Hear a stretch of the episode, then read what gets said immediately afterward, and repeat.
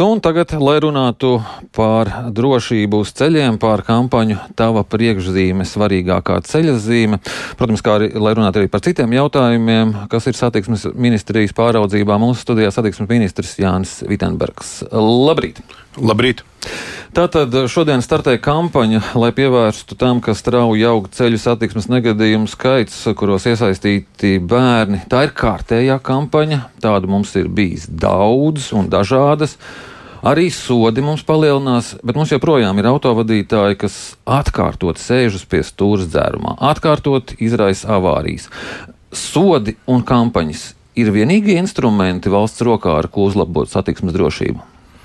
Nu, šīs kampaņas, es teiktu, galvenais mērķis ir aktualizēt eh, vecāku atbildību, iesaisti ikdienā komunicējot ar bērniem, rādot viņiem arī priekšzīmi par to, kā ir jāuzvedas Eh, satiksmē, ja, kā jāšķērso ielas, eh, kā jāizmanto dažādi transporta eh, pārvietošanās veidi. Ja, jo redzam, ka tieši tie ceļu satiksmes negadījumi, kuros ir iesaistīti bērni, ļoti strauji pieaug. Un, teiksim, salīdzinot iepriekšējā gada pirmos sešus mēnešus ar šī gada pirmajiem sešiem mēnešiem, tad tie ceļu satiksmes negadījumi, kuros ir iesaistīti bērni, kur ir eh, bijusi pārvietošanās ar eh, šiem elektroskrējējiem, tas pieaugums ir eh, par 60%. Ja, un vēl aizvien arī vecāki izturās bezatbildīgi. Un, Pēc CSDD pēdējā šī pētījuma 40% no vecākiem neizmanto šos bērnu krēsliņus, ja, kas, manuprāt, ir ļoti, ļoti šokējoši.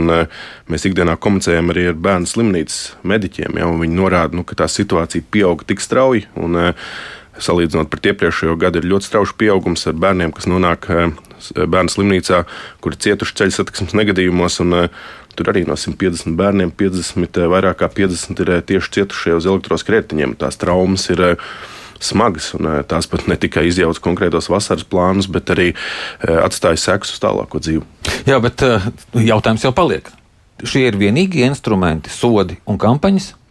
Nu, arī ir bijis eh, pēdējais šis eh, teiktu, saimnes eh, lēmumu komplekss, tieši, kas skar elektroskrētiņa regulējumu. Ja, no mūsu puses, no satiksmes ministrijas puses, mēs noteikti šo regulējumu pilnveidosim. To dara arī citas valsts, jo te varbūt ir tāda nebijusi praksa, ja, ka tās tehnoloģijas un pārvietošanās paradumi ir attīstījušies tik strauji, ka normatīvais regulējums netiek līdzi. Ja, tad arī normatīvā regulējuma pilnveidošana.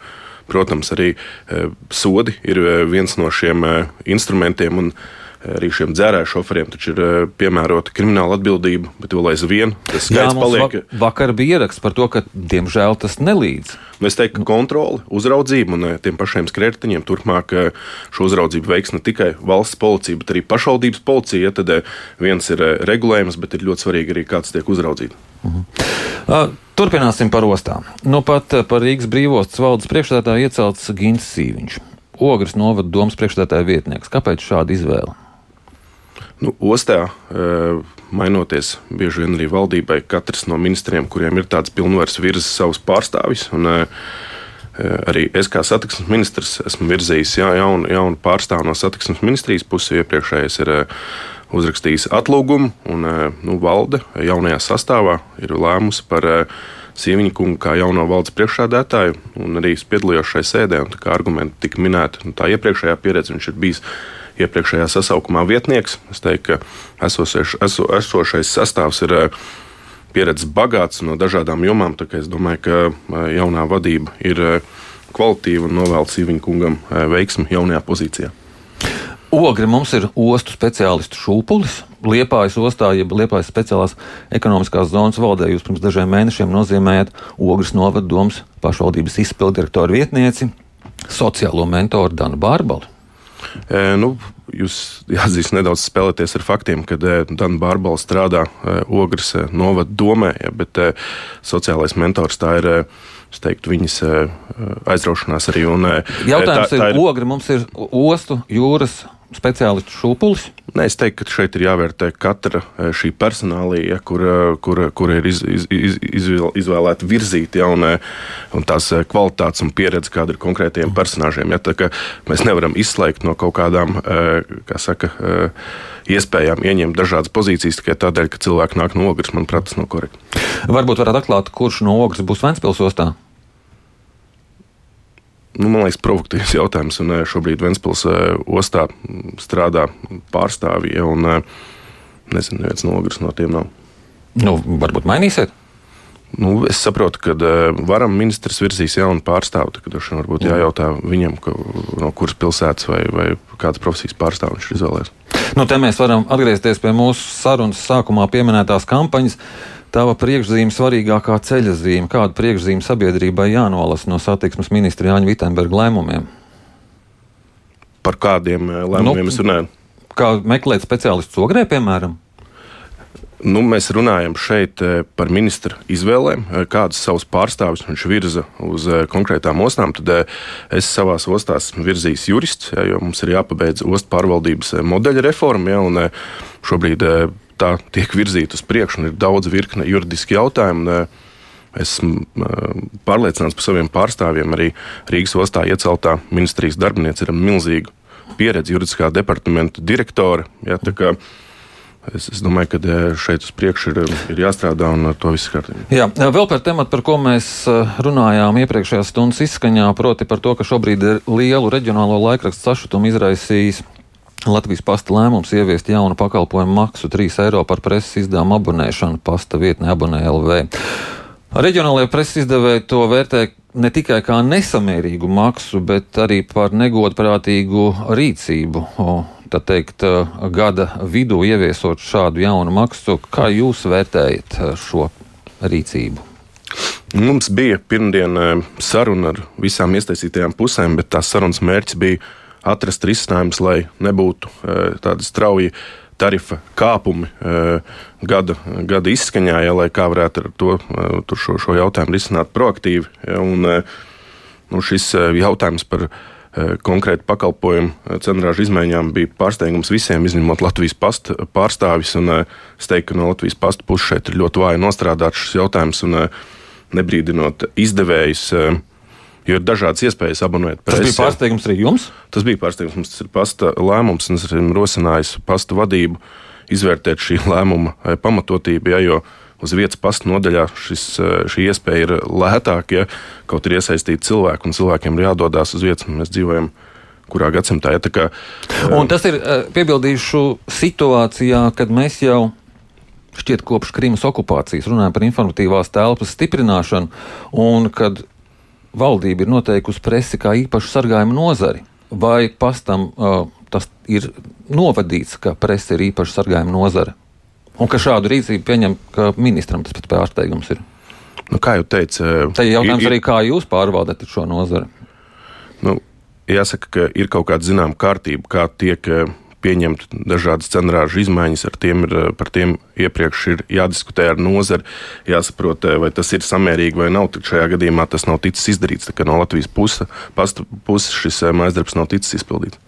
Cits starpā, vai šobrīd pasta tarifi nav nepamatot lieli? Šogad nereiz vien ir bijušas ziņas, ka viens vai otrs pašvaldības uzņēmums samazina tarifus, piemēram, par apkuri, jo nosakot šos tarifus šogad, tas tika pamatots ar energoresursu cenām. Visas šīs cenas ir samazinājušās. Piemēram, degvielas cena pērn, ja bija brīžiem 2,12, tagad ir. Nav bijusi augstāka par eiro 65. Jautājums, vai preces izdevēji šogad nav pārmaksājuši pastam, un kāpēc pasts nav samazinājis tarifu? Nu, tarifu šos eh, jautājumus arī pamatojumi vērtē sabiedriskā pakalpojuma regulators. Ja, nu, pastam bija iespēja vērsties par to, ka jāsamazina. To dara arī citi uzņēmumi. Nu, pastam arī ir eh, citas izmaksas, ja ir pietiekami liels šis eh, pasta nodaļu tīkls. Tāpat arī nu, jāatzīst, ka samazinās arī šis preses apjoms. Tarifa jā, pieaugums tika pamatots nevis ar tīklu, bet ar šiem energoresursiem kuri ir samazinājuši, kuru cenas ir samazinājušās. Ne, iespējams, jūs eh, domājat, ka, ka, zinat labāk, bet eh, šajā gadījumā eh, pastam ir arī virkni cits izmaksas. Ja, šajā gadījumā ir pasnieku algas un ir pēc lēmuma, ka algas, nebija, pasta... algas bija mazākā pozīcija pieprasot tarifu pieaugumu šim gadam. Nu, bet, eh, kā jau teicu, regulators vērtē visas izmaksas, ietam cauri skrupulozi, un arī, ja būs nākamie šīs tarifu izmaiņas, tad regulators arī to darīs. Jā, bet eh, kāpēc pasts nepaprasa, nesamazina cenas? Es atgriežos pie šī jautājuma, ka prese ir īpaši aizsargājuma nozare - informatīvās telpas drošība.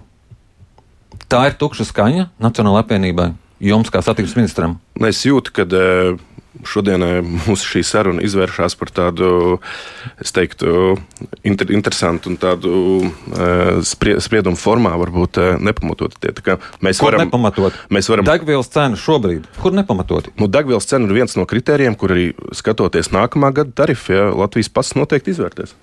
Un turot nepamatots tarifus vai uzņēmumi, kas nesamazina tarifus, arī nekurina inflāciju? Ko mēs, par kuru mēs cīnāmies, lai tā samazinātos? Iespējams. Jūs bijat ekonomikas ministrs šķiet.